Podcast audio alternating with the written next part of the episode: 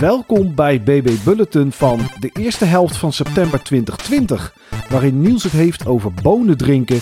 Michael weer weet waarom hij geen remasters moet spelen. En verder kijken we terug naar de Buttonbashers-dag 2020. Heeft Nintendo een hoop Mario voor ons in petto? Is Nvidia klaar voor de toekomst? En weten we eindelijk de prijs van de Xbox Series S en X? Niels, het is al even geleden dat we hier gezeten hebben. Het is geen maanden of zo, maar ja, het, het slordige 2,5 week, denk ik. Zoiets volgens mij, ja. Het voelt langer voor mij. Ja. Maar als je kijkt naar het release-schema, zal het maar iets van twee weken geweest zijn. Ja, inderdaad. Ja, met een beetje edit-tijd misschien net even iets meer. Maar ja, goed. Het, is, eh, het, was, het was zo vreemd. Ik heb vakantie gehad. Vrij was ik, twee weken. Eh, Ik ben niet weg geweest. En eh, nou ja, ik weet niet. Ik had nog drukker dan normaal. Eh, bij jou begon het nieuwe jaar natuurlijk weer op het werk. Dus Ja. eh, dat is altijd druk. Dus ja, we hebben eventjes twee, eh, twee rommelige weken gehad. Maar eh, nou ja, we zijn er weer. En eh, dat moet denk ik vanaf nu gewoon elke keer wel goed komen. Want ja, eh, ik kan niet wachten, Niels. Een game over bonen en opdrinken. Dat moet iets met koffie te maken hebben. Ja, dat heeft zeker met koffie te maken. Ja, koffie is een van mijn grootste hobby's, naast gamen natuurlijk. Ik zet heel veel koffie, ik importeer koffie, ik zet ook espresso weer de laatste tijd.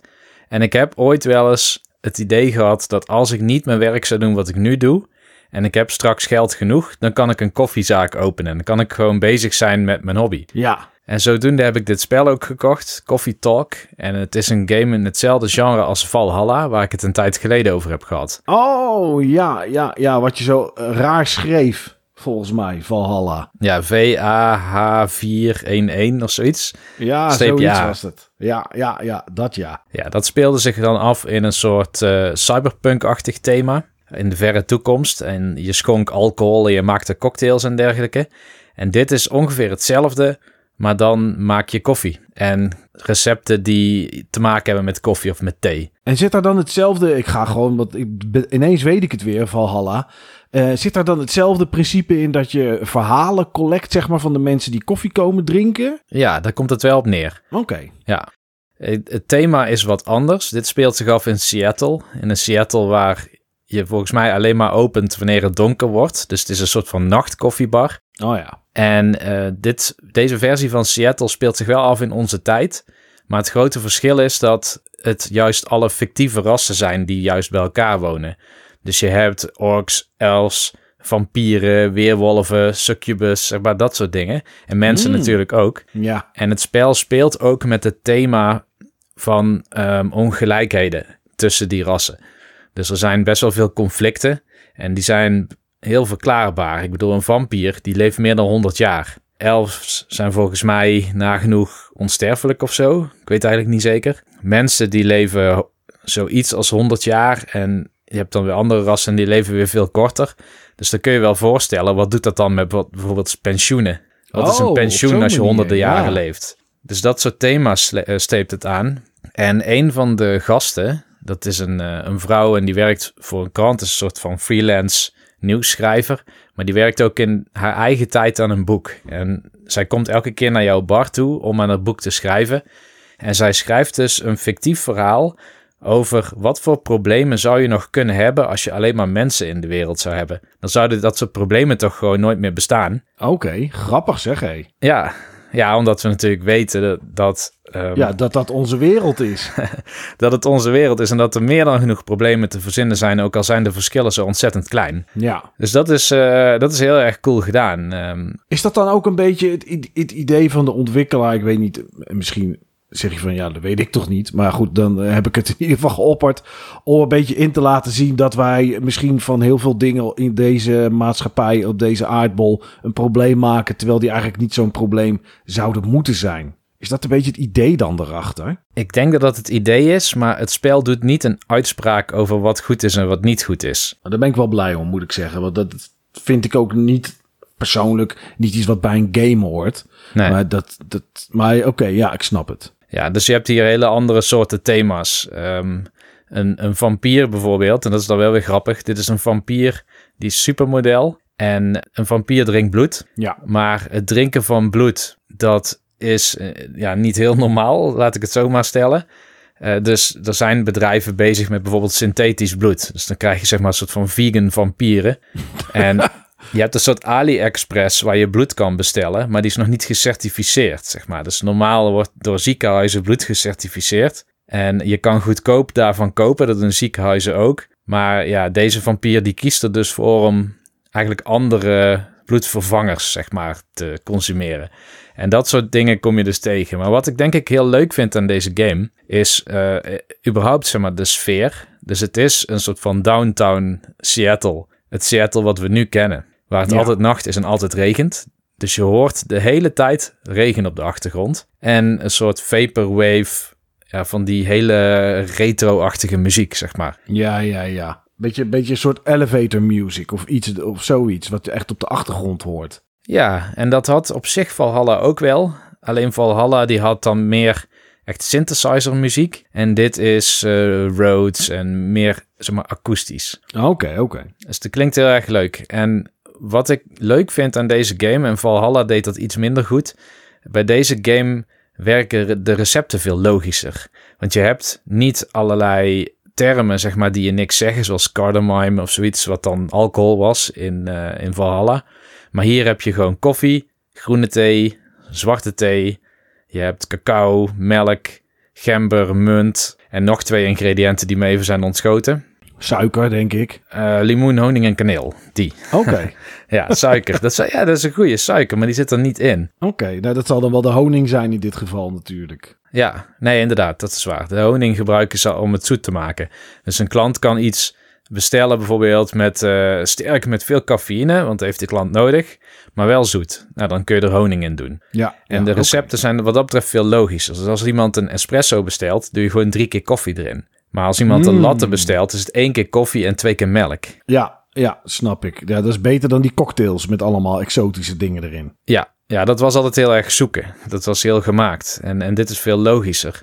Ehm, en je ziet ook meteen wanneer je een ingrediënt terug of een ingrediënt in het recept stopt, wat het effect ervan is. Wordt daardoor je drank zoeter of warmer bijvoorbeeld, of kruidiger? En uh, soms dan bestelt iemand iets wat je misschien niet kent, want je hebt wel een receptenboek, alleen er staat niet alles in. Dat unlock gedurende het spel. Maar die kan bijvoorbeeld een chai masala of zo bestellen en dat is een echt gerecht.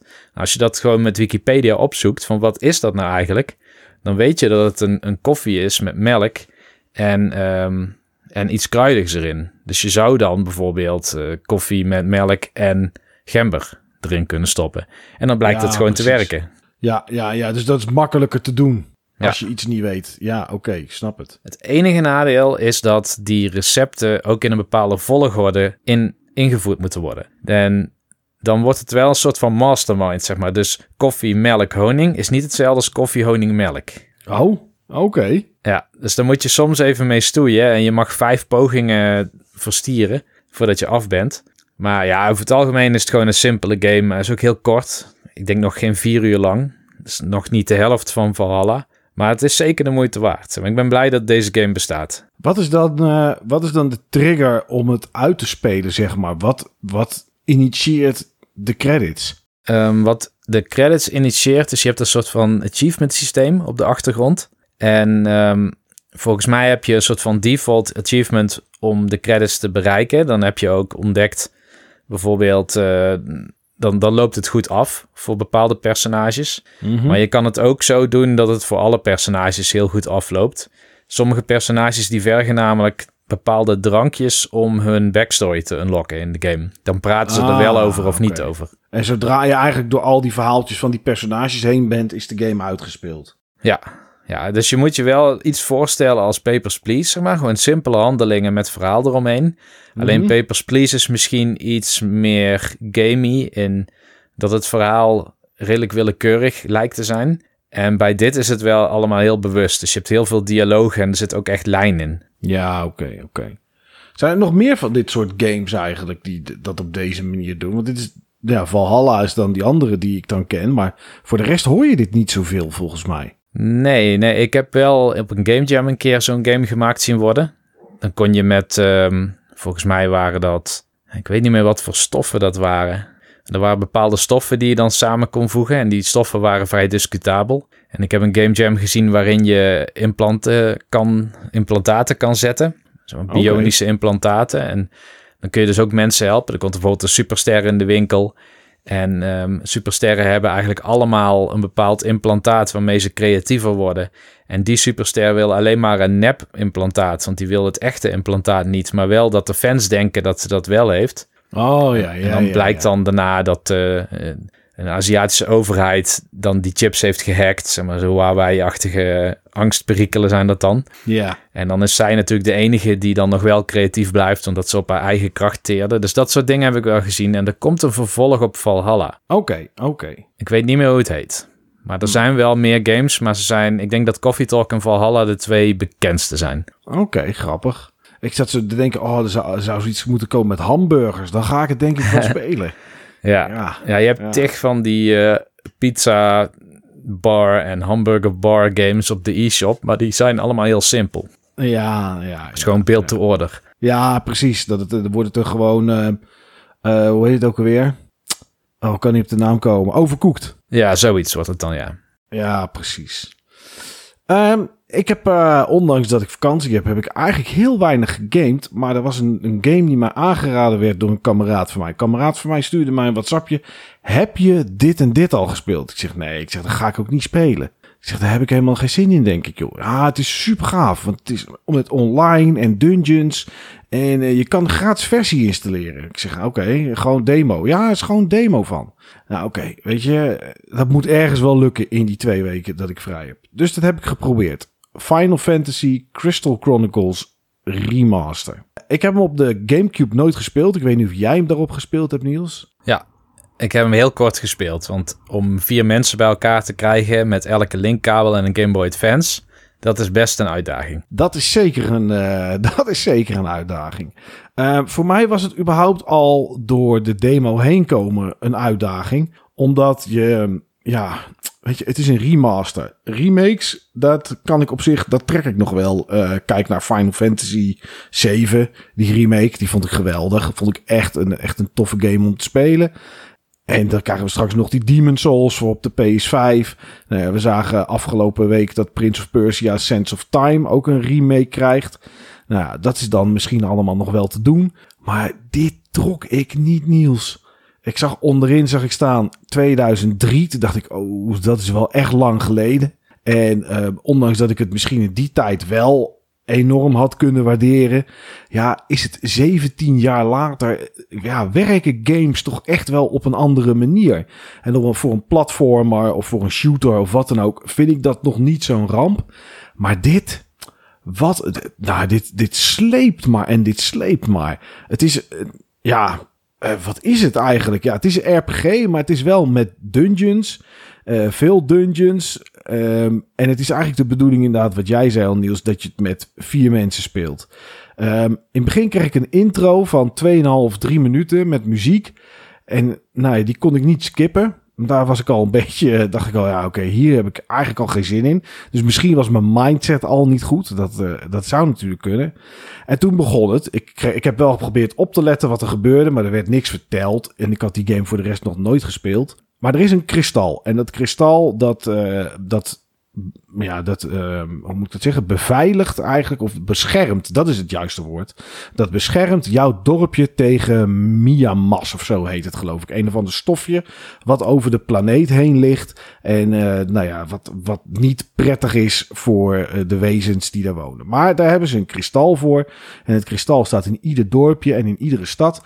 En ja, dat kristal, dat moet één keer per jaar gevoed worden met een stofje, volgens mij een merum of zo. Ik denk dat ik het zo moet uitspreken. Iets met een M, Griekse ei, wat haast erin en een paar R'en.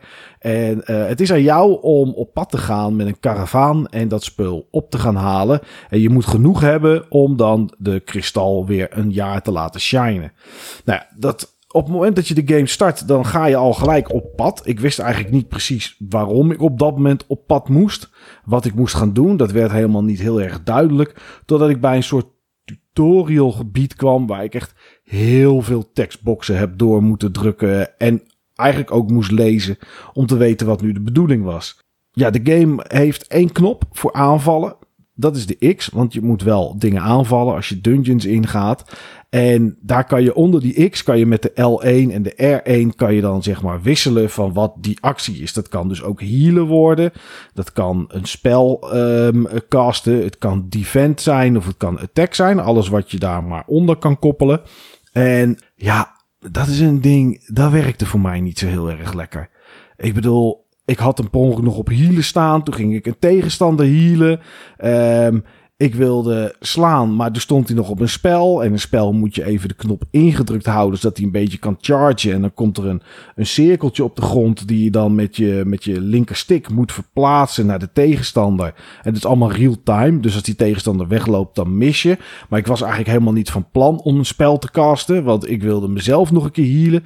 Ik vond dat heel ongemakkelijk, echt heel erg outdated voelde dat. Er zat een menusysteem in waar ik elke keer per ongeluk op drukte. Want vierkantje is voor het menusysteem. En ja, dat was in mijn hoofd toch echt de knop om te slaan. Maar dat was het niet. Dat was X. Maar ja, X is voor mij toch springen. Eh, ondanks dat je niet kan springen. Dus die controle staat al helemaal in de war. En nou toen ging ik, nadat ik dat gebied uit was, dat tutorialgebied, ging ik lopen. En um, uh, nou ja, lopen, rijden is het, over een, over een stukje map. En dan moet je naar een gebied waar dan, naar een soort dungeon waar dan die kristal ligt die je dan op kan halen. Nou ja, gaande daar naartoe kom je wat figuren tegen die wat met je praten. Je kan naar winkeltjes en dat soort dingen allemaal. Maar die hele opzet. Jij hebt het echt voor de rest nooit echt gespeeld dan, Niels. Want ik weet helemaal niet of je het in je eentje kon spelen ook vroeger. Ik, ja, je kan het in je eentje spelen. Ik heb het gespeeld tot precies wat je nu beschrijft. En toen heb ik, ben ik gestopt en ik heb eigenlijk nooit meer de behoefte gehad om hem op te pakken.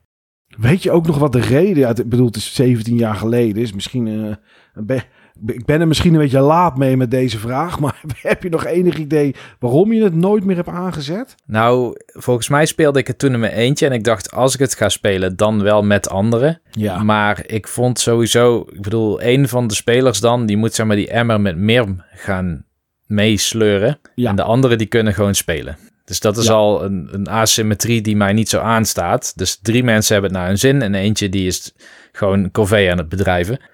en ja, het was allemaal gewoon wat simpel. Gewoon een beetje hack and slash. Ja, ja het is gewoon puur X drukken om te slaan. Meer is het inderdaad niet.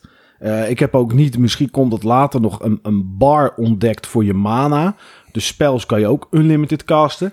Uh, er vloog wel zo'n uh, zo'n Cupo, zo'n mok, die heet het Cupo zegt, die vloog wel met mij mee. Die kon ik dan wel die emmer geven. Misschien is dat alleen als je in je eentje speelt en met meerdere niet. Hm. Dat weet ik niet. Uh, en die kon dan, zeg maar, dan hoefde ik dat zelf niet te dragen. Maar als ik dat ging dragen, dan werd zo'n dungeon natuurlijk helemaal niks. Want dan kon ik niet slaan of wat dan ook. En ja, ik weet niet. Ik zat het te spelen en ik denk, nee. Ik denk, ik had voor mezelf, had ik uh, begin augustus, had, nou, geen, leg mezelf geen regels op of zo. Maar ik had voor mezelf zoiets bepaald van dit jaar koop ik geen games meer. Ik heb nog genoeg liggen van de huidige generatie. En straks, en we weten nu in ieder geval uh, van Microsoft dat het 10 november is. Dan, dan komt een nieuwe generatie. En als ik games heb, dan ga ik ze daar wel op spelen, zeg maar. Tot die tijd speel ik gewoon wat ik nu nog heb. Dus ik had, ik had ook al niet het, de intentie om deze game te gaan kopen of iets. En ja, ik heb nu die demo geprobeerd en ik heb het stukje gespeeld. En ik denk, nee. Ik denk remakes, oké, daar kan je het nog een beetje brengen naar het niveau en naar wat we vandaag de dag gewend zijn. Ja, dit is gewoon een Gamecube game.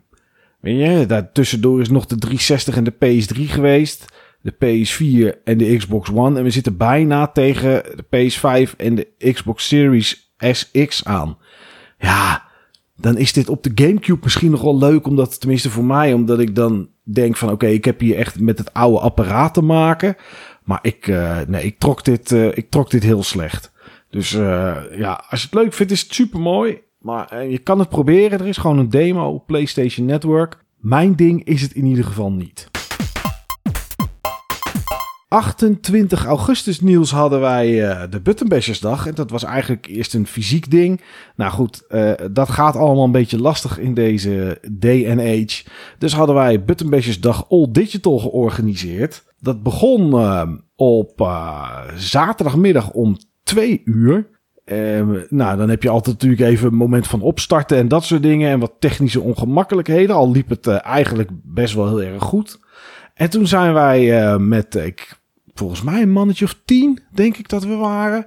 hebben we Team Fortress 2 gespeeld. eh, en dat was voor jou de eerste keer, toch? Ja, voor mij was dat inderdaad de eerste keer. Ik had natuurlijk wel eens gezien en veel van gehoord. Ook onder andere van jou als een van jouw favoriete PC team-based shooters. Zo zou ja, ik het maar zeker noemen. weten. Ja, ja, ja. Eh, en ik kende, de, ja, ik kende de, de, de stijl, de artstijl, want die was heel erg bekend. En de hoedjes, maar gespeeld had ik het nooit. Ja, de hoedjes inderdaad. Nee, we waren met, eh, nou, best, best een leuk team. Ik, eh, qua, qua aantal en ook qua mensen zelf hoor, die waren voor de rest ook leuk. Maar eh, ja, het was toch even, ja, weet je, hoeveel mensen komen er? En het is natuurlijk helemaal digitaal, is makkelijk om te zeggen, ik kom. En ja, goed, weet je, als je je tegengestoten hebt en je denkt, ik heb geen zin, start je lekker je PC niet op. Maar dat was eigenlijk heel tof. We hebben alles gestreamd. Ehm, ja, en die tijd vloog voorbij, man. Want ik dacht van, ja, gaan we dan echt inderdaad drie uur lang Team Fortress 2 spelen? Niet dat dat een kwelling is of zo, maar ja, weet je, eh, soms heb je toch wel eens dat je denkt van, ja, na een uurtje of na anderhalf ga ik weer eens wat anders doen. Maar ik had het gevoel dat, nou, tegen het einde, zo rond eh, vier uur, eh, half vijf, dat iedereen er echt pas lekker in begon te komen. En toen werden het echt goede potjes. Ja. Toen hebben we echt tegenstand aan elkaar gehad. Ja, ik had het idee dat we juist heel vroeg aan het stoppen waren. Omdat we Ja. door moesten met het avondprogramma. Nou ja, dat is ook zo inderdaad. Want we hadden van vijf tot zeven hadden we een break in de ingelast. Gewoon dat mensen eh, ook met natuurlijk in de oogschouw nemen. dat, Oké, vijf uur stoppen wordt nooit vijf uur. Nou, dat was het ook niet. Het was geloof ik tien over vijf, kwart over vijf of zo. En om zeven uur, ehm, ja, om zeven uur zouden we dan eh, beginnen met een, eh, ja, met even gewoon een, een uurtje kletsen. We hadden, ehm, ehm, hoe heet het? Eh, Discord hadden we opengezet en die was ook op de stream eh, was dat te horen. Dus we gingen een beetje traders kijken, een beetje kletsen met de bezoekers, eh, dat soort dingen allemaal. En om acht uur begonnen we met het geweldige Marbles on Stream. Een, eh, ja, een knikkerbaan waarbij eh, mensen in de Twitch-chat, eh, platform waar we het streamden, gewoon uitroepteken play konden intikken en dan meededen. Ja, dat was een beetje was hectisch, rommelig, maar ik moest wel lachen, Niels. Het was wel grappig. Het was wel grappig, hoewel jij meestal wel een seconde of 16 eerder wist wat er gebeurde. Dus Ja, dan zei je, ja. en daar gaat oldschool.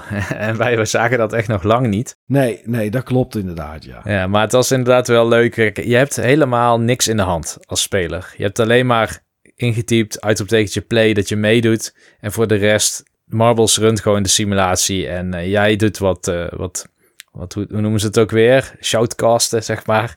Ja, ja, gewoon een soort, eh, een soort sportcommentator was ik inderdaad. Om eh, een beetje te vertellen wat er gebeurde. Ja, En eh, ja, en, en, en, de, en de camera bedienen deed ik dan om een beetje te kijken waar de actie was. En eh, ja, waarom iemand nog helemaal achteraan lag. Of waarom iemand eh, zoals Finger vooraan lag, maar toch weer uit de baan gegooid werd. Dat soort dingen inderdaad, ja. Ja, daar hadden we prijzen aan, aangekoppeld. En ehm, nou goed, die, die konden mensen winnen voor degene die eerste werd. En ja, dat is dan inderdaad heel random. Want echt bepalen kan je het niet. Maar goed, eh, we wilden toch iets aan prijzen weggeven. Dus dat hebben we, dat hebben we toen gedaan. Ah, en daarna gingen we Jackbox Party Time, eh, was het toen. De Jackbox, god, hoe heette die games ook alweer? we hebben volgens mij Quiplash en Drawful gespeeld. Ja, ja Fibbage en, en Drawful. Of Fibbage, ja, ja. Fibbage, ja, hebben we gespeeld. Fibbage, dat was met onzin. Ik weet even niet eens meer. Dat was gewoon al antwoorden geven op vragen. En dan moeten degenen die daar aan meedoen. eh, en de mensen die er niet aan mee konden doen. Maar als publiek waren uitkiezen wat ze dan het leukste vonden. Of het antwoord dat wel of niet klopte. En bij Drawful was eigenlijk hetzelfde. Alleen dan moest je je antwoord tekenen. En eh, ja, moesten mensen natuurlijk, eh, ja, nou moest niet, maar probeerde iedereen toch een beetje grappig te zijn. Waardoor we, ja, ik denk een heleboel gelachen hebben, Niels, die avond. Ja. ja, ik ben tijdens het laatste potje afgehaakt. Want ik moest de volgende ochtend om vijf uur op. En Ja. daarvoor moest ik nog iets voorbereiden. Maar ik, eh, ik, ja, het bleef maar vol in Discord. Het bleef lachen. Ja, dat klopt. Want eh, we stopten rond half elf met, eh, met de Jackbox eh, Party Games. Toen hebben we daarna nog een uurtje Marbles on Stream wederom gedaan om, om nog wat prijzen weg te geven. En toen was het 11 uur. En toen hebben we toch nog wat Jackbox gespeeld. En toen ging jij denk ik om half twaalf weg. En even rond twaalf, kwart over twaalf heb ik toen de stream uitgezet. En eh, nou ja, en is iedereen langzaam een beetje afgetaaid om uh, nou ja, niet naar huis te gaan. Dat is, dat is het enige voordeel wat, uh, wat je hebt aan een, aan een dag zoals deze. Maar toen, was het, toen, was het, toen was het rond. Ja, en eigenlijk was volgens mij het sentiment dat... normaal doen we de Buttonbashes dag één keer per jaar bij Awesome Space. Maar dat omdat dit jaar digitaal is... Ja, dat we dit misschien nog wel eens vaker mochten doen. Dus ja, dan moeten we maar eens kijken Niels of we dat misschien nog eens een keertje kunnen herhalen. Ja, en dat ik dan eindelijk Team Fortress 2 wel onder de knie krijg. Ja. Want ik heb volgens mij eerst, um, en ik weet niet hoe die classes heten hoor, maar zo eentje met zo'n hele groot machinegeweer heb ik gekozen. Ja, dat is de heavy, die, die wat dikkere zeg maar, eh, met zo'n Gatling gun. Ja, dat leek me wel wat als je gewoon heel lang geen games meer met de muis hebt gespeeld. Ja. Alleen, ja. ik zat vrijwel het hele spel tegen Killing Raptor, of volgens mij zelfs echt het hele spel. En hij was zo'n pyromancer, zo'n zo'n zo'n vlammenwerper doet, zeg maar. Ja, ja. En dat is irritant, want dan loop je ergens naartoe en in één keer staat alles in de fik en dan ga je langzaam af. Het is een soort van area of effect attack. Ja. En toen ben ik ook geswitcht naar die rol en toen ging het heel erg goed. Toen stond ik altijd wel tweede of eerste heel af en toe, zeg maar, zo'n beetje in die contraien, omdat je gewoon heel veel kills maakt. Ja, dat klopt inderdaad. Ja, nee, er zitten superleuke klasses in. Ook engineer is leuk om turrets te bouwen en dat soort dingen neer te zetten die een hoop damage kunnen doen. Het is uh, voor degene die Team Fortress 2 kennen. We hebben eigenlijk bijna alleen maar volgens mij de payload race gespeeld. Ja. Dus waarbij één team een soort van bom heeft op een karretje. En die wordt vooruitgeduwd op het moment dat dat team erbij staat. En het andere team probeert dat te voorkomen door ze kapot te schieten. Te zorgen dat ze niet bij de bom kunnen staan. En dan gaat heel langzaam uh, de bom weer terug. En uh, ja, dat is, uh, ja, dat is super leuk om te spelen. Dat is uh, echt heel tof. En vooral omdat we in het begin was iedereen gewoon uh, een beetje roepen. Maar je merkte gewoon naarmate de tijd vorderde dat iedereen steeds serieuzer werd. En ondanks dat we met medestanders en tegenstanders in dezelfde Discord zaten, uh, maakte dat het ook wel grappig eigenlijk. Ja. Uh, gingen we toch tips geven. Ja, die staat daar en daar heeft die een turret neerzet. Het werd wat serieuzer op een gegeven moment. Het was wel zo dat Finger, jij en Arjen wel duidelijk heel veel ervaring met de game hadden. Ja. En uh, Killing Raptor die pikte het ook al snel op als hij het niet eerder had gespeeld. Maar ik, ik, volgens mij Nesrunner die heeft het hele spel erover gedaan om erachter te komen hoe je zo'n turret plaatst als engineer. En wat je er dan mee kan doen. Ja, dat klopt. En ja. ik zag Killing Raptor ook dingen doen met Pyromancer die ik gewoon niet kon. Die sprong af en Nee. toe zo bizar hoog de lucht in bijvoorbeeld. Ja, Maar ja. ja, dat, is, dat, is, dat klopt. En dan heb je ook nog verschillende wapens die dingen doen. Ik, ik, heb, ik speel dat bijna altijd als heavy, want dat is de klas die ik al bijna altijd heb gespeeld. En ja, en dan heb ik een wapen. Als ik de rechtermuisknop ingedrukt hou, dan die vlammen die je van de pyro hebt, die doet hij dan als een soort van shockwave, doet hij die dan zeg maar uitstoten elke seconde. Waardoor als je bijvoorbeeld een, een spy hebt die onzichtbaar kan zijn en jou in je rug kan prikken.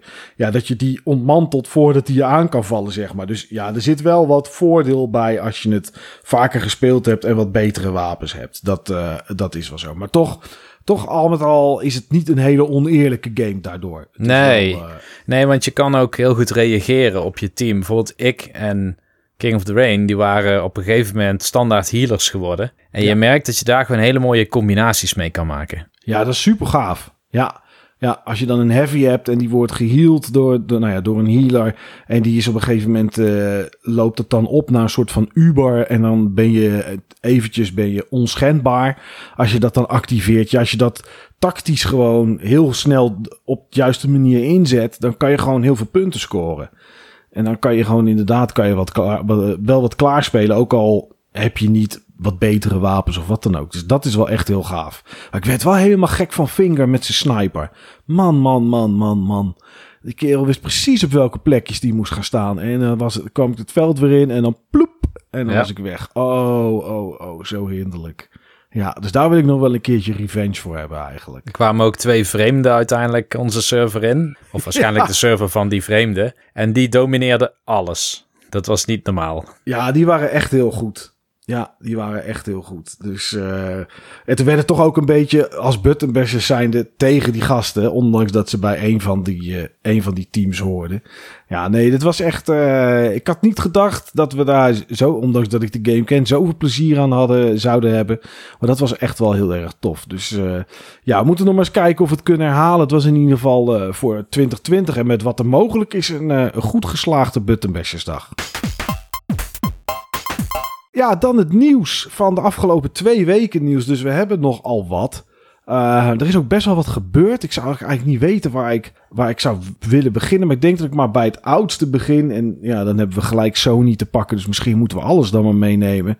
Maar um, ja, Microsoft heeft natuurlijk uh, vorig jaar en het jaar daarvoor redelijk wat ontwikkelaars overgenomen. Zodat ze first-party games voor, uh, voor Microsoft kunnen gaan maken. Ja, nu kwam het bericht naar buiten dat Sony dat ook wil. Die wil ook meer ontwikkelaars overnemen. Ja, krijgen we dat straks, uh, Niels? Dat er bijna geen ontwikkelaars meer zijn, maar een paar grote die uh, van zichzelf zijn, zeg maar. En dat de rest gewoon in handen is van. Zou dat de toekomst zijn? ik hoop het niet. Um, maar als je kijkt naar de studio's die Microsoft heeft opgepikt, dat waren wel studio's die echt wel het budget konden gebruiken. En Sony heeft Insomniac dan opgepikt. Nou, die waren niet zo super afhankelijk, zeg maar. Die konden ook wel zonder die steun grotere games maken. Maar ik verwacht niet dat wat grotere developers als uh, Capcom of Koei Tecmo of dat soort developers zo snel zichzelf uit zouden laten kopen. Nee, precies. Nee, want Sony heeft inderdaad Insomniac, die hebben Santa Monica Studios, maar dat is gewoon, dat is gewoon puur Sony. Um, Naughty Dog, en Guerrilla Games, dat zijn de ontwikkelaars, zeg maar, die bij, uh, die bij Sony horen. En dan heb ik ze, denk ik, ja, uh, poly, uh, die Polypony gasten of Polyphony gasten van Gran Turismo. Maar die hebben volgens mij ook nog nooit, of nou, nooit is misschien wat overdreven, maar bijna ook nooit iets gemaakt voor een ander platform dan voor PlayStation. Nee, en Bluepoint ook, die maakt meestal ports ook voor PlayStation. Oh ja, tuurlijk, ja. En je hebt ja, Japan Studios nog. Je hebt er nog wel meer hoor. Er zijn nog redelijk wat Sony Studios tegenwoordig. Maar de meeste waar we van horen zijn inderdaad Naughty Dog of zo. Ja, ja, ja.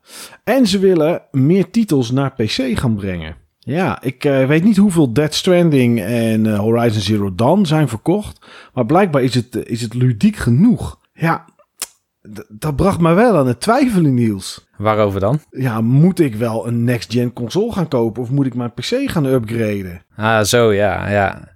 Ja, je weet natuurlijk niet. Kijk, Microsoft die is in ieder geval gebrand op al hun games naar PC te brengen. Maar bij Sony zal dat zeker niet het geval zijn. Althans, voorlopig niet. Nee. Maar we hadden wel volgens mij een paar maanden geleden wel wat meerdere insiders die het erover hadden dat zeer waarschijnlijk in ieder geval Bloodborne naar PC kwam. Klopt, ja, ja, ja dat gerucht gaat inderdaad al een tijdje. En daar zou Bloodborne ook echt heel erg van opknappen. Als het van die frame pacing eh, problemen af zou zijn en die variabele frame rates die er zijn. Zeker. Dus ja, nee, ja ik, ik twijfelde wel eventjes. Maar goed, uh, nu we het toch over Sony hebben. 16 september, aanstaande woensdag is dat. Dat is over een, uh, een dag of vijf, of op het moment dat we nu opnemen, is het PlayStation 5 event. Ja, ze hebben niet gezegd wat daarin zit. Alleen dat er een persmoment is. Dat het 40 minuten duurt. Ja, het kan niet anders zijn, Niels, toch dan de datum en de prijs eindelijk voor de PS5. Ja, dat moet nu haast wel, hè? Ja. Ik bedoel, waar wachten ze anders nog op? Ja, niks inderdaad. Het, ik zou niet weten waar ze op wachten. Want ja, Microsoft is, uh, die is, ja, daar is nu eigenlijk alles wel van bekend. Uh, al zijn er vast nog wel schimmige gebieden die we nog niet gehoord hebben. Uh, maar goed, daar komen we zo wel op. Want nadat Sony dat nieuws naar buiten gooide, was het, uh, het volgende wat mij opviel. Dat ontwikkelaar Flambeer, Nederlandse ontwikkelaar, die, was, uh, ja, die vierde jubileum, tienjarig bestaan. En gelijk werd het, uh, werd, het, werd het beltje erbij neergegooid. De ontwikkelaar is opgeheven. Is dat, ja, wat is dat voor raar iets nieuws? ja, ik moet zeggen, ze waren al een tijdje on ice, zal ik maar zeggen. in de koelkast. Mm -hmm. ze hebben wel volgens mij was Nuclear Throne ook de laatste game die ze samen hebben gereleased. En ze zijn nog steeds al met iets bezig. Maar uh, Jan-Willem Nijman, de ontwerper, die heeft zelf uh, Minute gereleased, los van Rami. En Rami is tegenwoordig de, noem ze het weer, ambassadeur van de gamesindustrie. Die heeft, die heeft het ook wel druk zat, zat daarmee. Ja, ja, is een beetje, als je het gezicht hebt van indie games, dan is het Rami eigenlijk wel. Ja, ja. Dus het zat er aan te komen. Dat was sowieso wel duidelijk. Ja, maar het is wel jammer. Het is toch een bekende naam. Ridiculous Fishing was natuurlijk een game die, die behoorlijk groot werd gelanceerd. En ook door heel veel anderen in de studio's nagemaakt en zo. Dus ja, goed. Het is aan de ene kant wel jammer. Maar ja, aan de andere kant, als je toch niks meer maakt. Ja, misschien is dan tienjarig bestaan wel een, wel een mooi moment om, om het doek te laten vallen. Nintendo kwam met een Super Mario Direct. Ik heb hem niet gezien. Ik heb alleen de stukjes teruggezien. Jij hebt hem wel gekeken, hè, Niels? Ja, maar het was ook gewoon praktisch die stukjes waarschijnlijk die je terug hebt gezien. Uh, ja, dat, ja dat, die kant is groot. Ja. Ik wist niet eens dat het was. Nou, niemand wist het bijna. Hij was er ook ineens, volgens mij. Alleen ik was toen even twee dagen weg. Um, ja, wat, wat, heb, wat heb jij daaruit gepikt dat je interessant vindt? Ja, nou ja, het meeste wat erin zat was op een bepaalde manier wel interessant. Of dat je het nou zelf zou willen hebben of niet. Uh, het opende met um, zo'n Game Watch van Super Mario Bros. Wat dan echt weer een ouderwetse Game Watch is, waar dan ook de Lost Levels in zit en een wekker. Ja, ja, dat zat er vroeger altijd in inderdaad. Een klokje en een wekker inderdaad. Ja, maar het is niet van mijn tijd, zeg maar. Dus ik, ik heb daar zelf niet zo heel veel mee. Hmm, dus ik zal die wel laten schieten. Ja, nee, in mijn tijd was het wel. Mijn allereerste game die ik zelf ooit had, was een Game Watch type. Het was niet, was niet echt een Game Watch van Nintendo. Ik had zo'n uh, zo'n single screen, wat deze dan ook is, van de smurfen had ik. Het enige verschil is wel dat nu krijg je Super Mario Bros. erin. Ja, dat is een game die, weet je, je krijgt gewoon echt een LCD'tje. Die, al die games van vroeger, natuurlijk die Game Watch, daar ja, had je natuurlijk limited movement op, zeg maar. Daar, was, daar zat natuurlijk een voorgeprogrammeerde achtergrond in. En er zaten een paar ja, sprites die dan konden bewegen. Maar ja, ik vind het wel tof dat ze dit, uh, dat ze dit doen voor Mario. Ja, en toen hadden ze de Super Mario 3D World plus Bowser's Fury. Wat is dat, Bowser's Fury? Dat, bestond dat al? Nee, nee het lijkt een soort expansion of zo. Ja, nee, ik, ik zag het staan en toen dacht ik... oké, ik heb Super Mario 3D World gespeeld op de Wii U, uitgespeeld. Ik heb daar eh, mijn enige video-review ooit heb ik daarover gemaakt. Ik denk, ik, ik ken die game, maar ik, dit zegt mij helemaal niks. Nee. Nee, ik vind het ook wel mooi. En uh, het schijnt in ieder geval dat de physics versneld zijn. Dus het speelt wat sneller. En als ik nu terugdenk aan Super Mario 3D World op de Wii U... dan kan ik me nog herinneren dat je dan begint met rennen... en dat hij dan na een anderhalf seconde of zo... een sprintje ineens gaat trekken. Er zat een heel ander soort van besturingssysteem in. Dus dit gaat denk ik meer lijken op de, de standaard 3D-platformers... Uh, ja, ik vind het wel interessant. Maar ik heb geen zin om nog een keer die game op te pakken. Maar ik wil die Bowser's Fury op een of andere manier wel spelen. Ja, nou dat had ik ook. Ik had zoiets van, oké, ik ga wel eens even in de gaten houden. Want ja, ik wilde eigenlijk, ik wil eigenlijk wel eens even net iets... Er zat wel iets in die trailer... Maar ja, niet heel veel volgens mij van wat het nou was. Maar het zal inderdaad wel gewoon een uitbreiding zijn, ja. Het apartste wat erin zat, dat kwam daarna. Dat was Super Mario Kart Live of Mario Kart Live Home Circuit. Ja, ik vind dat zo gaaf. ja, ik heb twee van die karts al besteld. Echt ja? Van Mario en van Luigi? Ja, ja één voor mijn broer dan en één voor mezelf. Mijn broer is toevallig jarig in die periode. Maar um, ja, ik vind dit zo'n uniek iets. En sowieso augmented reality, dat is wel iets wat een vlucht gaat nemen nog. Waarschijnlijk met Apple of zo. Um, en niet zozeer met consoles. Maar dit is wel een van de eerste, in ieder geval na dingen als Pokémon Go, echt hele goede voorbeelden van wat je er allemaal mee zou kunnen doen. Ja, wat, wat is het? Wat het is, is het is eigenlijk zeg maar live Mario Kart. Dus je hebt een radiografisch bestuurbaar autootje. Daar zit een camera op. En die camera die filmt eigenlijk ehm, jouw kamer. Of, uh, of je keuken of de tuin of zo. Um, en die feed van die camera die gaat rechtstreeks naar je Switch schermpje. Of naar je televisie als je je Switch hebt gedokt. En wat het doet, zeg maar, want het is best wel technisch interessant. Er is bijna niks wat ik ooit heb gezien dat het zo goed doet. Maar de truc bij dit soort dingen is dat stel je hebt dus meerdere autootjes door de kamer rondrijden. Dan moet die game constant weten waar alles en iedereen is. Want als jij, je kan in die game ook gewoon bijvoorbeeld groene schilden op elkaar afvuren of over een banaan heen gaan. Maar dan moeten wel al die auto's van elkaar weten waar ze precies zijn. Ja. En ehm, wat heel leuk is, is dat bijvoorbeeld als jij een andere kaart raakt, dan staat die kaart ook tijdelijk even stil. Net zoals in de videogames. Ja, dan staat hij gewoon stil in je kamer. Want je, moet een parcours uitzetten in je kamer. Of nou ja, waar je dan ook maar wil. En ehm, eh, ja, je krijgt er volgens mij, zoals ik het zag, dan eh soort checkpoints bij. 1, 2, 3, 4. En- Of een finish en dan 2, 3, 4 of zo. Ja, die zet je neer. Ja, daar rij je doorheen. En die camera die detecteert dan inderdaad waar je bent eh, op het circuit. Althans, dat is wat ik ervan begreep. Dat die, dat die poortjes in ieder geval daar wel sleutel in zijn. Ja. En, en, en, maar, maar iemand anders kan inderdaad gewoon meedoen. En heb je gewoon door je kamer heen, heb je gewoon die Mario Karts rijden inderdaad. Ja, super gaaf man. Ja, ja daar rijden ook nog eh, CPU-controlled cards rond. Daar Ja. zitten die Koopa links in van Super Mario Bros. 3 en Super Mario World. Ja, maar die zijn alleen digitaal. Ja, en eh, wat ik ook zag is bijvoorbeeld eh, dat, dat je dan bijvoorbeeld een ijsthema had. En dan ben ik benieuwd, glijden de cards dan of hebben ze andere physics models? Hmm.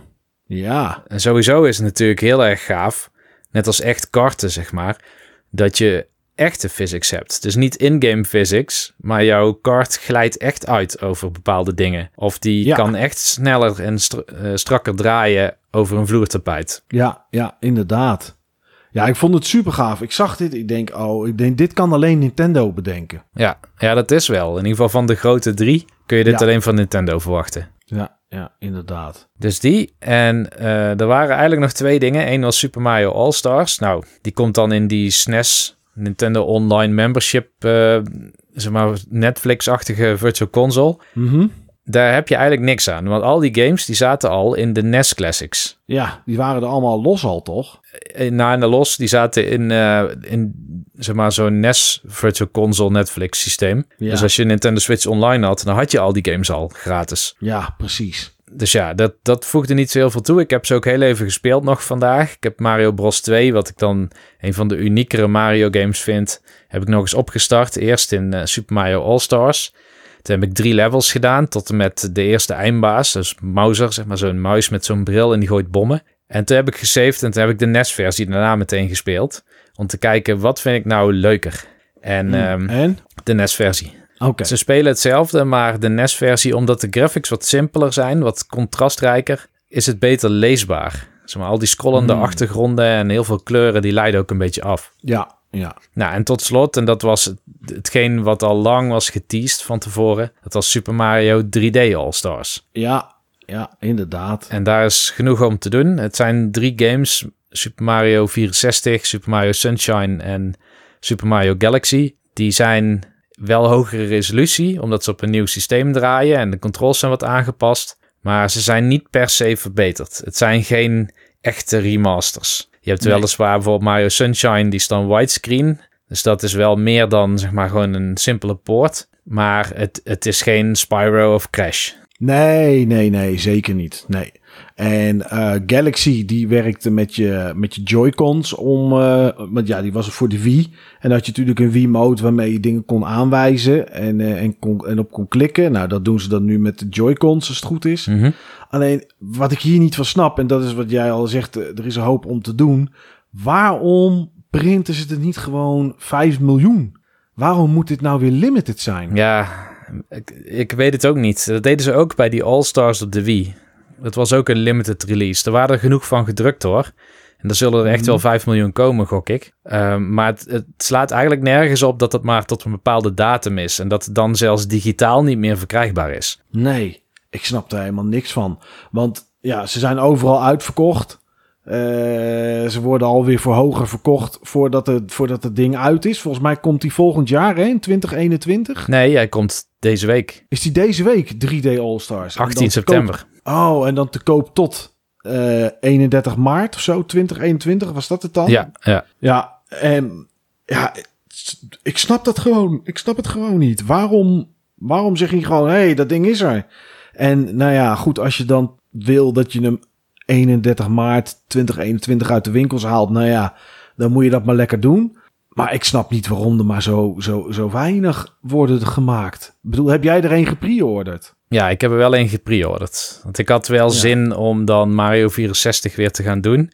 Zonder dat ik mijn oude console er weer bij hoef te halen. Ja. Dus dat is voor mij genoeg verantwoording. Die games vind Ja, ik alle drie ja. superleuk. Maar het is te veel moeite en het is suboptimaal om ze te gaan spelen op, weer op de Wii en de Gamecube en zo. Ja, ja, ja, om al die systemen weer uit de kast te trekken, aan te gaan sluiten. En nu kan je makkelijk switchen. Nee, ja, dat is ook zo. Maar, Maar goed, ik heb hem niet gepreorderd. Kameraad van mij ook niet. Maar die heeft dan eh, volgens mij bij eh, kameraden die er dan meer hebben staan gevraagd van... hey, als jullie meer pre-orders krijgen, doe mij er dan eentje. Maar het is, ja... Ik vind het zo raar. Maar goed. Oh, er zijn er waarschijnlijk wel zat gemaakt. Want ik las dat op Amazon is het tot nu toe de ene best verkochte game dit jaar. Hmm, Dus dat zegt wel dat er heel veel zijn. Hè? Dus beter verkocht dan eh The Last of Us 2 en, en Final Fantasy 7. Ja, ja, inderdaad. Ja, dan moet het wel. Nou ja. Nou goed, het is wel, eh, ik vind het wel een aardige collectie, moet ik zeggen. Omdat ik, eh, Galaxy heb ik nooit gespeeld. 64 heb ik gespeeld op de 3DS. Eh, Sunshine gewoon op de Cube destijds. Maar eh, ja, het zou op zich wel leuk zijn om, eh, om te scoren. Ja, voor de rest was er nog Super Mario Bros. 35. Dat is volgens mij hetzelfde als wat ze met Tetris 99 hebben gedaan. Een Battle Royale, maar dan met 35 mensen. En dan speel je Super Mario Bros. tegen elkaar. Het, het zag er wel grappig uit, wel hectisch. Oh, die was ik vergeten, ja.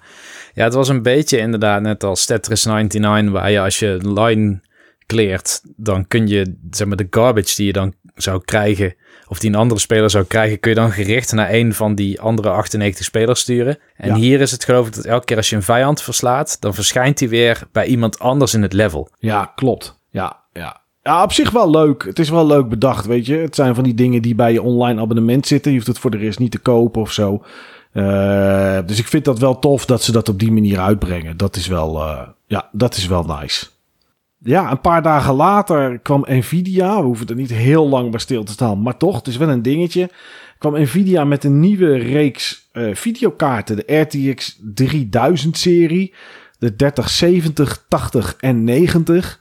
Heb je daar iets van gezien, Niels? Of dacht je van, nou, ik geloof het wel en eh, ik vind het prima zo? Nee, ik heb het hele event zitten kijken. Oké, oké, net zoals ik. Ja, ja, ja. Nee, ja, het ziet er natuurlijk super mooi uit. Het, eh, wat me altijd verbaast is op het moment dat er dat soort kaarten aankomen, dat de kaarten die er nu zijn, videokaarten, nooit echt in prijs zakken. Ehm, maar goed, er komt een eh, 3070, een 3080 en een 3090 uit volgens mij in deze maand, in september. Of was het oktober? Ik moet heel eerlijk zeggen dat ik de datum niet echt helder heb op dit moment. Maar ze zijn er in eh, oktober is het volgens mij. Ze zijn er volgens mij vrij snel, halverwege oktober. Ehm, ja, performance-wise, wat ik gezien heb daarna bij Digital Foundry, presteren ze ongeveer 1,7 keer eh, de, de frames per seconde, zeg maar, met alle toeters en bellen aan dan wat de, de 20 of de 2070 en 2080 en zo doen. Alleen ja, tegen een stukje lagere prijs zag ik dat dat, eh, dat, dat was. Ja, toen was het moment, we hadden het er net al even over eh, bij Sony, dat ik dacht van, oh, Sony gaat dat doen, Microsoft brengt alles uit. Moet ik straks wel een next-gen console kopen of moet ik gewoon een 3080 kopen, een HDMI-kabel naar mijn tv leggen en een Bluetooth eh naar mijn PC? En ja, dan, dan heb ik wel een hele grote bibliotheek straks om te spelen. Maar ja, toen ik de prijs zag, Niels, van die 3080, dat die zo ongeveer 750 euro was, dacht ik, nou oké, volgens mij ben ik dan met een console toch nog wel wat goedkoper uit. Ja, volgens mij kun je op een gegeven moment zelfs beide consoles, als je ze niet meteen zou kopen, voor die prijs kopen. Ja, ja, ja, ja. Het is natuurlijk wel, ja, die kaarten zijn wel bizar sterk. Aan het Ja, begin van het jaar, toen dachten we, de nieuwe consoles komt eraan en het heeft nog nooit zo dicht bij PC gelegen. En nu denken we, Ja. de nieuwe consoles komen eraan en de kloof tussen PC en console is nog nooit zo groot geweest. Want ze zijn echt bizar sterk. Ja, dat is ook zo. Ik, ik dacht, nou, wat je zei, dacht ik in het begin van het jaar ook. Ik denk, nou, weet je, het, eh, het zal geen 2080 zijn als je naar de, de kaarten van Nvidia kijkt, maar het komt wel in de buurt. Nou, dat is wel een keertje lekker, zeg maar. En in één keer, nou ja, niet in één keer, maar ineens is dit er. En dan dacht ik, ja, nou ligt er toch gewoon weer een hele generatie achter. En de kans dat Nvidia en nou AMD is einde van oktober hebben die een event. Maar goed, de kans dat AMD een 4000-serie uit gaat geven voordat de volgende generatie consoles eraan komt, ja, die is heel groot. Ja. Dat zal over een jaar of drie, vier wel gebeuren, denk ik. Dus ja, ben, ben jij dan getriggerd? Denk je van, oh, ik wil toch wel zo'n kaart kopen? Of is, ja, nee, goed, jij hebt, geen, jij hebt alleen een laptop nu volgens mij nog, hè? Ja, maar voor die laptop, ik heb zo'n poort waar ik externe GPU's aan kan sluiten. Dus dat Hmm. zou nog wel een optie zijn als zo'n ding extern verschijnt. En waarschijnlijk op mijn werk gaan we die ook wel inkopen. Dus ik zou het altijd eens kunnen proberen.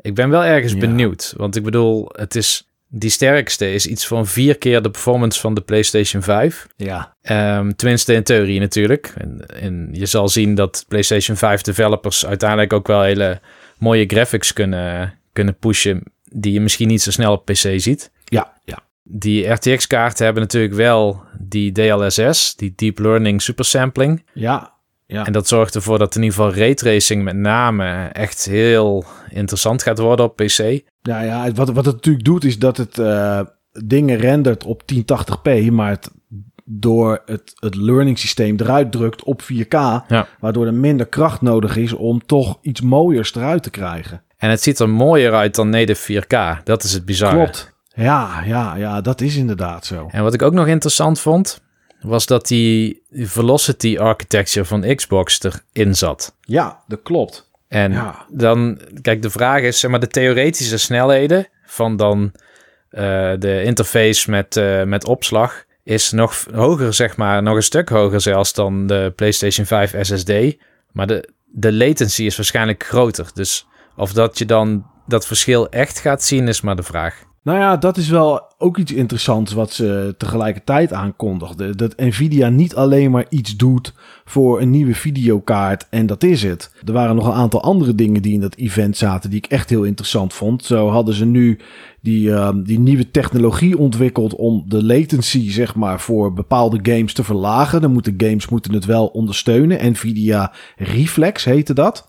Ehm, en dat komt naar alle kaarten die ze hebben. Dat gaat straks gewoon standaard in de driver, wordt dat erin gestopt. En games als Call of Duty, als Fortnite en weet ik wat allemaal, gaan dat allemaal ondersteunen. Eh, als je het precies wil weten, moet je het even terugkijken. Maar waar het op neerkomt is dat eh, ja, het, het moment dat op jouw beeld verschijnt dat er iemand snel even langs een opening van een deur loopt. En de snelheid waarmee jij kan reageren daarop om raak te schieten. Dat die tijd die daartussen zit allemaal verkleind gaat worden. Dus dat vond ik iets dat ze heel tof, eh, daar waar ze heel tof mee bezig waren. Ehm, en de andere ding waarvan ik dacht van, ja, waarom doen ze iets mee? Maar het is wel heel mooi, was dat ze voor streamingdiensten, voor mensen die wilden streamen, hadden ze een filmpje waarmee ze een onwijze ruisonderdrukking konden doen en background geluid konden filteren als je, als je aan het streamen bent. Je zag een, een, een, een jongen die was aan het streamen. Daarachter kwam zijn vrouw vriendin zitten met een, met een, met een föhn. Ze zette die föhn aan en je hoorde die föhn natuurlijk gewoon door die microfoon. En daarna drukte hij op een knopje in de software van Nvidia en toen hoorde je heel die föhn niet meer. Ik denk, ja, weet je, het is toch tof dat ze dit soort dingen ook doen, Niels. Ja, dat komt volgens mij door die tensor cores die ze hebben. Hmm. Dat zijn toch wel cores die met name voor deep learning en AI werken. En die kunnen dus dat soort dingen doen. Ja, ja. Ja, heel tof, heel tof. Dus ik, eh, ja, dit was het moment dat ik twijfelde. Dat ik dacht van, oké, moet ik een 3080 gaan kopen en dan geen volgende generatie console meer. En dan wil ik ook een nieuw moederbord, ondanks dat het niet per se hoeft. Maar ja, mijn processor is ook al drie jaar, drie, nou wel langer, drieënhalf, vier jaar oud misschien. Ah, het wordt gelijk weer zo'n hap uit je, uit je budget, hè. Ja, Dat is het probleem altijd. Ja, ja. Ah, goed. Eh, in ieder geval interessant. Ik ga even de tijdlijn een beetje door elkaar halen. Ik wil het heel even snel hebben, tenzij we er alle twee helemaal niets over te zeggen hebben over Ubisoft. Omdat ik wil, eigenlijk wil afsluiten met, eh, met Microsoft. Eh, ja, Ubisoft Forward was afgelopen donderdag een, eh, een event van ik denk een half uurtje. Er zat nog wel een pre-show aan en er zat daarna nog een soort treehouse-achtig iets aan. Het enige dat ik heel erg interessant vond... eh, nou nee, wat ik, het enige wat ik interessant vond, interessant genoeg, was eh, Gods and Monsters. Dat was, die game was hernoemd. Dat gerucht hing al langer eh, in de lucht. Maar het bleek dus echt zo. Dat heet nu Immortals Phoenix Rising. Ja, dat komt op 3 december uit. Ze lieten het zien via Stadia. Toen dacht ik, oh, het zal toch niet zo zijn dat het alleen op Stadia was. Maar het enige wat er exclusief voor Stadia was, was een demo. De rest komt het gewoon naar elke console en ook naar de next-gen consoles. En ja, Niels, het was wel heel erg Breath of the Wild. Hè? ja inderdaad. Eigenlijk heel veel daarvan. Eh, De, hoe de wereld eruit ziet, de, de visuals überhaupt, dat je kan vliegen. Ja. Ehm, Met stamina. Ja, het klimmen. Dus ze liet ook echt Ja. zo'n zo'n poppetje op hetzelfde ritme als Link klimmen tegen de muur. Ja, ja. Maar ja, desondanks vind ik het wel interessant. Ja. Ik vind- denk dat het wel een leuke game is om, eh, om te gaan spelen. En eh, het, wat ik wel goed vond aan dat Ubisoft Forward event was dat ze eh, trailers lieten zien met een klein beetje gameplay. En daarna dan een soort, nou ja, treehouse-achtige sessies hadden, zeg maar. Ehm, waar in ieder geval meer gameplay getoond werd. Daar zagen we gewoon een demo van een minuut of vijf of tien of zo. Dus ja, dat vond ik wel interessant. Voor de rest zat er voor mij echt helemaal niets in, eerlijk gezegd. Nee, ik was erg teleurgesteld door die remake van Sense of Time van Prince of Persia. Ik, ja, ik weet niet meer hoe het origineel eruit zag hoor. Maar Nou, ze hebben het. Er is een video waar je ze naast elkaar ziet. Ja, het lijkt net of er gewoon een filtertje overheen gaat dat iets scherper is en iets meer kleur heeft. En dat is het. ja, ja dat leek Ja. er ook op zo. Ja, en dan zeiden ze nog met trots: ah, dit is onze, dit is Ubisoft's eerste remaster ooit. Ik denk, ja, had maar niet gedaan. Nee, nee, ik had verder denk ik ook niks. Ze hadden natuurlijk weer met DeadSec, hoe heet die game ook weer? Oh ja, eh, Watch Dogs Legion. Watch Dogs Legion inderdaad. Er zat nog wel een soort van nieuwe trials in, maar dan met heel veel motoren tegelijk van een berg af. Ja, het was eigenlijk steep, maar dan niet in de sneeuw. Oh ja, Het was eh, Riders Republic, zo heet het. En je zag eh, motoren naar beneden komen. Je zag mensen weer met van die wingsuits pakken. Ja, en misschien dat er nog iets in zat. En toen dacht ik, hé, hey, dit is steep, maar dan niet in de sneeuw. En dat noemden ze dan maar Riders Republic. Ja, ja voor de rest het geëikte, hè. Weer een update voor de Division. eh, nieuwe... Er zat een hele tekenfilm in ook van vijf minuten vanwege Sam Fisher uit ehm Splinter Cell. Die zit dan straks in Rainbow Six Siege. Nou ja, ze kondigde aan dat Rainbow Six Siege een upgrade kreeg naar PS5 en naar eh, Xbox Series X. Ja, Scott dat- Pilgrim zat erin, een nieuwe game. Oh ja, ja, ja, ja. Daar kwam inderdaad wat nieuws van.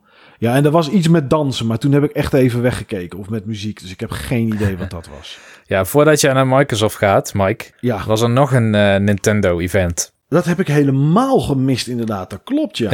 Ja. het was voor één game maar. Maar hij kwam net Oh. als die Direct van de Mario's, kwam die heel onverwacht. Ja, Het was gewoon in één keer een Twitter-bericht. Hier hebben we hebben nu eh, de, hoe heet die, oude Numa of zo van The Legend of Zelda. Die heeft een boodschap voor je.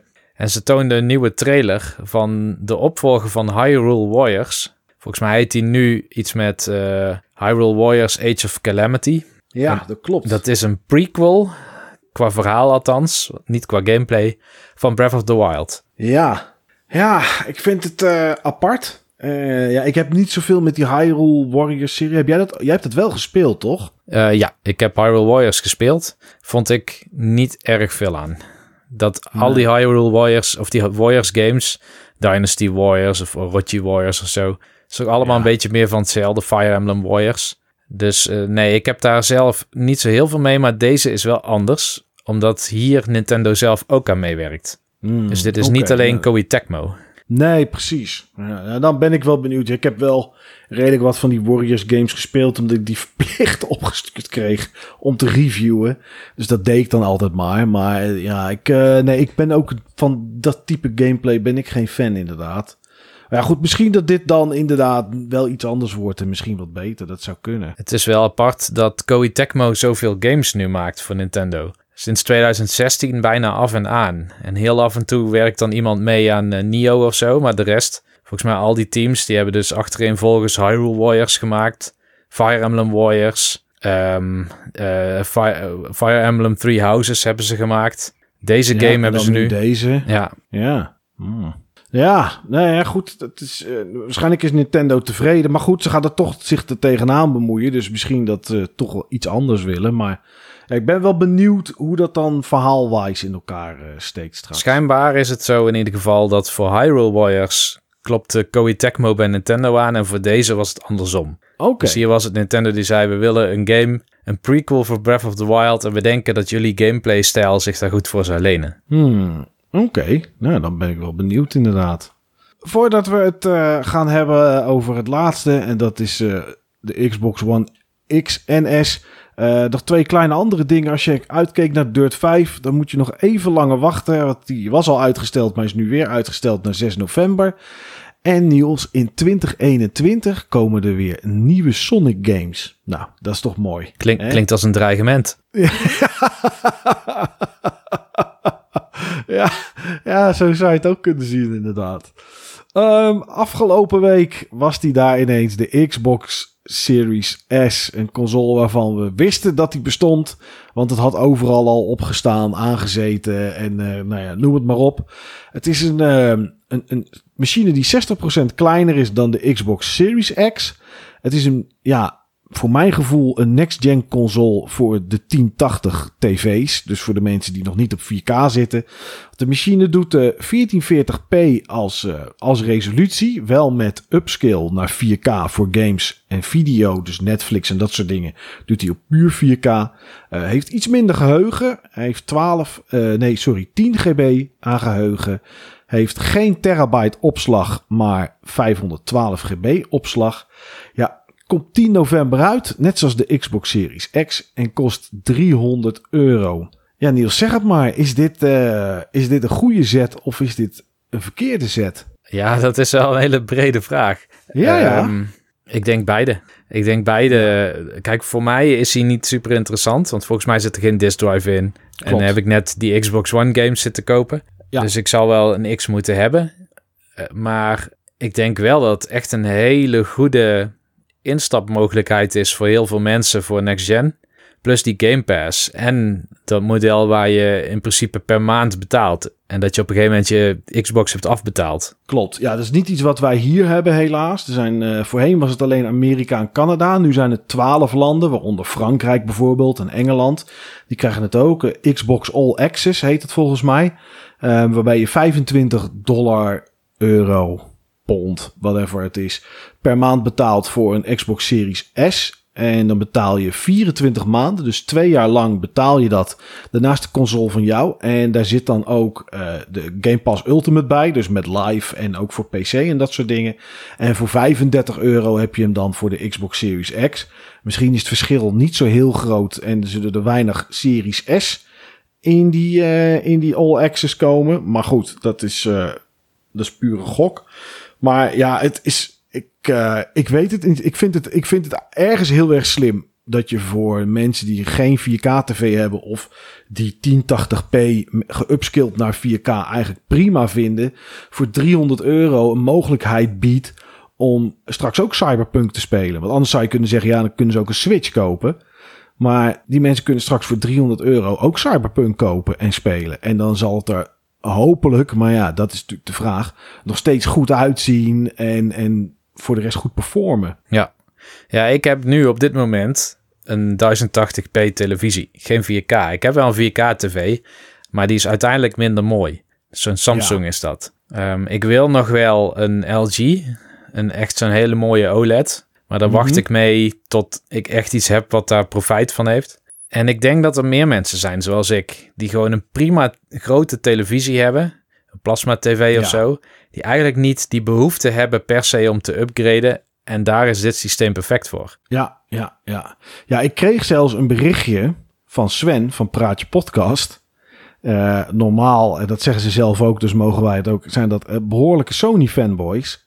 Die vonden dit toch wel heel erg interessant, zei hij. Ja. Want ja, 300 euro, nou ja, goed, woensdag is het Sony PS5-event waarbij ze ongetwijfeld de prijs wel moeten gaan vertellen nu voor de PS5 en de PS5 Digital. Maar die hebben geen machine straks voor 300 euro. Dat kan niet. Dat is onmogelijk. Dus aan de ene kant is het slim. Maar ja, de eerste ontwikkelaar, en het is er maar één die we tot nu toe gezien hebben, die is al gaan klagen. Niet de gehele ontwikkelaar, het is een, een, ontwikkelaar van de ontwikkelaar. Is gewoon een werknemer van. En dat is in dit geval een van, van Remedy, van de man en vrouw achter Control en uh, Alan Wake en dat soort spul.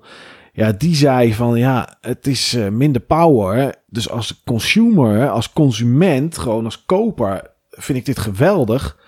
Maar als technisch producer zie ik wel de problemen in verband met game-optimalisatie. Dat heeft hij sowieso. Ik bedoel, Control draaide soms minder dan 1 frames per seconde op de PlayStation 4. Ja, inderdaad, ja. Ja, misschien moet hij sowieso niet klagen. uh, en ik kan, ik kan heel zeggen uit ervaring dat... Um, oh, ik, hoe heette die game op de Xbox? Die Quantum Break. Xbox, die, die draaide ook niet heel erg soepel. Maar goed, zou dat een ding zijn, Niels? Of zal het straks gewoon zo zijn, minder resolutie? We zetten gewoon in de opties, als je een S hebt, zetten we, uh, weet ik veel, twee keer AA zetten we aan in plaats van acht. En uh, we schakelen misschien uh, twee dingen raytracing uit. En dat is voldoende om van Series X naar Series S te gaan. En het gewoon soepel te laten draaien. Want ook dit ding, zeggen ze 60 frames per seconde. En ondersteunt ook 120. Ja, hij Volgens mij zijn die specs allemaal berekend op dat ze prima alles wat de X kan op een lage resolutie kunnen draaien zonder compromis. Maar je mhm. zal op een gegeven moment natuurlijk wel krijgen dat je ook op de Xbox Series X en op de PlayStation 5 games hebben die gewoon die 4K niet halen. Niet eens op 30 frames per seconde. En dan heb je een probleem. Zeg maar. Dan moet je echt concessies gaan doen. En dan krijg je denk ik meerdere profielen binnen games. Maar dat, dat hebben we nu ook. Als je bijvoorbeeld een Neo speelt, kun je op performance mode of op resolution mode zetten. Zoiets ga je denk ik dan ook krijgen. Alleen dan default de Xbox Series S variant naar performance mode op lage resolutie. Ja, ja, ja. Ja, die kans is, ja, dat, dat moet wel. Maar ik vind het wel interessant. Ik vind het wel interessant. Kijk, Sony komt met PS5 en met een, met een digitale PS5. Het enige verschil echt tussen die machines is dat de, de disk drive eruit is. Ja, dan heeft hij een iets andere vormfactor, maar eh, dat is eigenlijk het enige. We weten nog niet wat het prijsverschil daarin gaat zijn. Ja, mensen, mensen verwachten 100 euro prijsverschil, maar ik vind dat wel een hele hoop voor een disk drive. Moet ik heel eerlijk zeggen, 100 euro voor een optische drive. Mhm. Maar dit is gewoon, ja, wat Xbox Series X weten we inmiddels ook. 500 euro, ook 10 november. Daar is het gewoon echt wel een groot verschil tussen hoor. 200 euro. Ik, uh, ja, ik ben heel benieuwd hoe dit gaat uitpakken na 10, uh, 10 november. Het zou eigenlijk, als het een disk drive had, dan was hij misschien voor mij op dit moment ideaal. Hmm. Omdat ik, uh, ik heb die extra resolutie niet per se nodig. Ik nee. teer heel erg op Game Pass. Ik zou zelfs gewoon puur niks meer hoeven kopen, zeg maar. Alleen maar uh, zo'n Series X of Series X met een Game Pass. En ik, ik kom mijn tijd hartstikke goed door. Ik speel ook nog steeds tientallen uren uh, Sea of Thieves bijvoorbeeld. En Grounded wordt nog uitgebreid en er blijft maar content komen. Dat, de kraan uh, zit toch nooit dicht. Nee, nee, nee, dat is ook zo. En van de week kreeg ik een berichtje op mijn telefoon. Want heb ik dan die Game Pass, die Game Pass app geïnstalleerd. Van ja, Disgaea 4 Plus Complete is uit. En toen dacht ik, oh, ik heb nog nooit Disgaea game gespeeld. Dus ik denk, ik ga toch even op install drukken. En toen zag ik Wasteland 3 staan. Denk, oh ja, moet ik ook even op install drukken. Nou, uh, met mijn telefoon op install. En dan worden ze netjes op je PC geïnstalleerd. Ja, weet je, uh, als je dat soort games wil proberen, is er gewoon genoeg in Game Pass. Ja, en de Yakuza games zitten erin, Final Fantasies zitten erin, Destiny komt er naartoe. En straks, ergens later dit jaar, alle games die op EA Access of EA Origin zitten. Juist. Die komen er ook in. Nou, zijn wij denk ik beide daar iets minder enthousiast over. Dat die FIFA's en die Need for Speeds, die kunnen me, mij persoonlijk gestolen worden. Maar uh, ja, dat is een ander dingetje. Zit daar ook Battlefield en dat soort dingen in? Ja. Oké. Ja. Dus voor zo'n Johan is dat perfect. zeker. Alleen, IE stopt ze niet op dag 1 erin. Oh ja. Het is niet zo dat als, um, wat is het volgende van IE het uitkomt? Ja, FIFA 21 komt natuurlijk uit. Um, dan is het niet zo dat die gelijk in die EA Access of in die EA uh, of EA Origin heet het op PC en EA Access op console. En straks heet het dan EA Play volgens mij. Maar goed, namen even daar gelaten. Het zit er nog niet direct in. Dat niet. Je kan het vaak wel eerder spelen al. En dan met wat korting kopen. En na verloop van tijd stoppen ze het erin.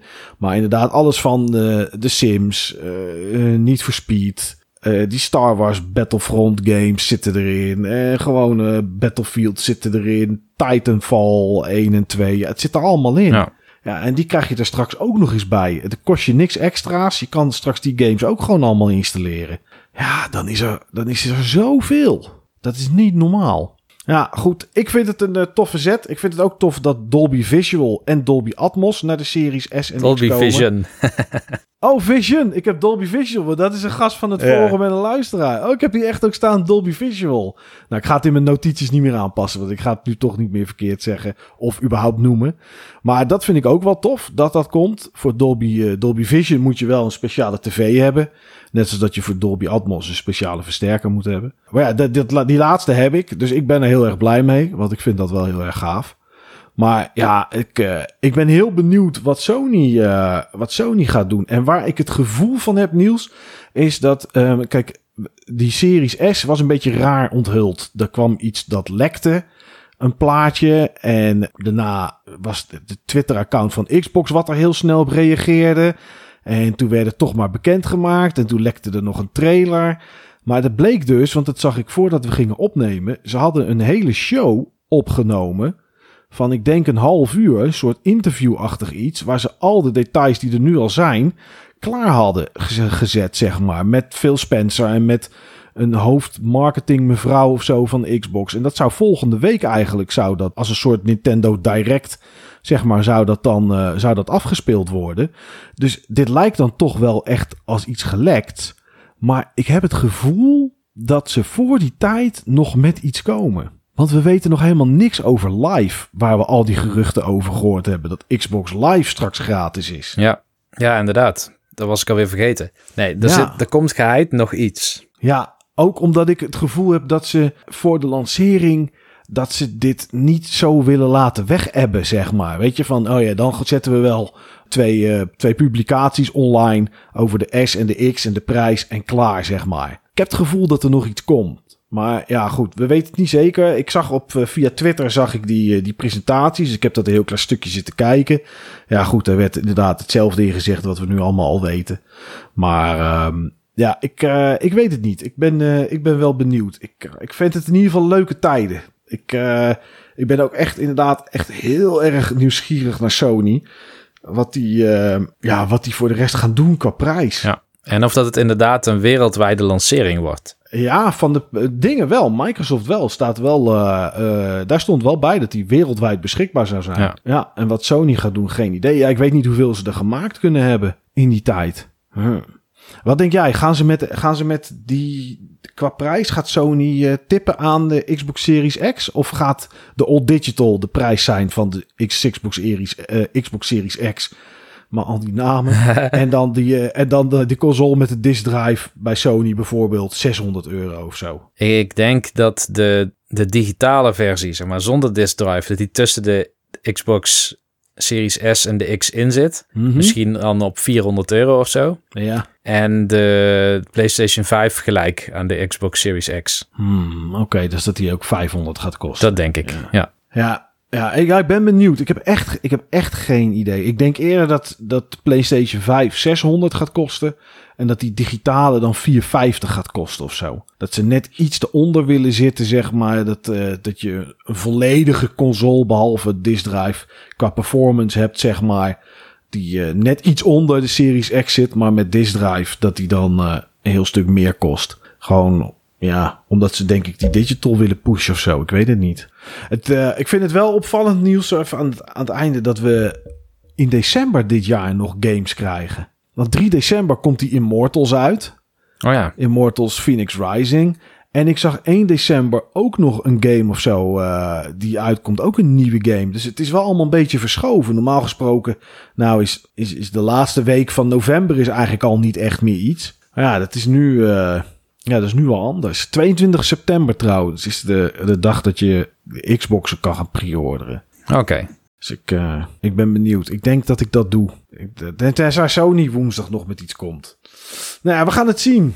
Iets voor eh, de aankomende BB Bulletin. Want ik denk dat we die gewoon deze week eh, weer op het vaste schema gaan opnemen, Niels. Werk begint voor mij weer. Dus ja, Dan heb je weer meer tijd. heb ik meer, heb ik meer tijd inderdaad. Ja, dat klopt. Goed, ehm, ja, is er nog iets nieuws van de afgelopen twee weken dat je denkt, dit zak kwam ik nog tegen in het nieuws of wat dan ook en dat moet ik toch nog even kwijt? Of hebben we alles eigenlijk wel een beetje aangetikt? Ik denk dat we voor nu genoeg hebben aangetikt. Als me nog iets te binnen schiet, dan kom ik daar volgende week wel weer op. Oh ja, ja, dat is. Oh, ik zie hier twee uur geleden PS5 en PS5 Digital Edition uh, box contents zijn geleakt. Oh, dat is alleen wat erin zit. Het zijn modelnummers en uh, oké. Nou, niet, niet heel spannend.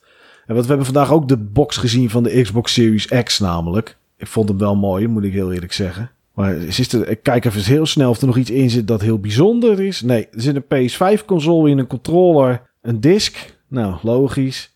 Een HDMI-kabel en, en, dan een controller of een USB-kabel, manual en Astro's Playroom. Maar dat wisten we al dat die, uh, dat die daarop zit. Nee, oké, daar is uh, niks spannends. Nee, dan denk ik dat we alles, uh, dat we alles gehad hebben voor, voor deze afgelopen twee weken.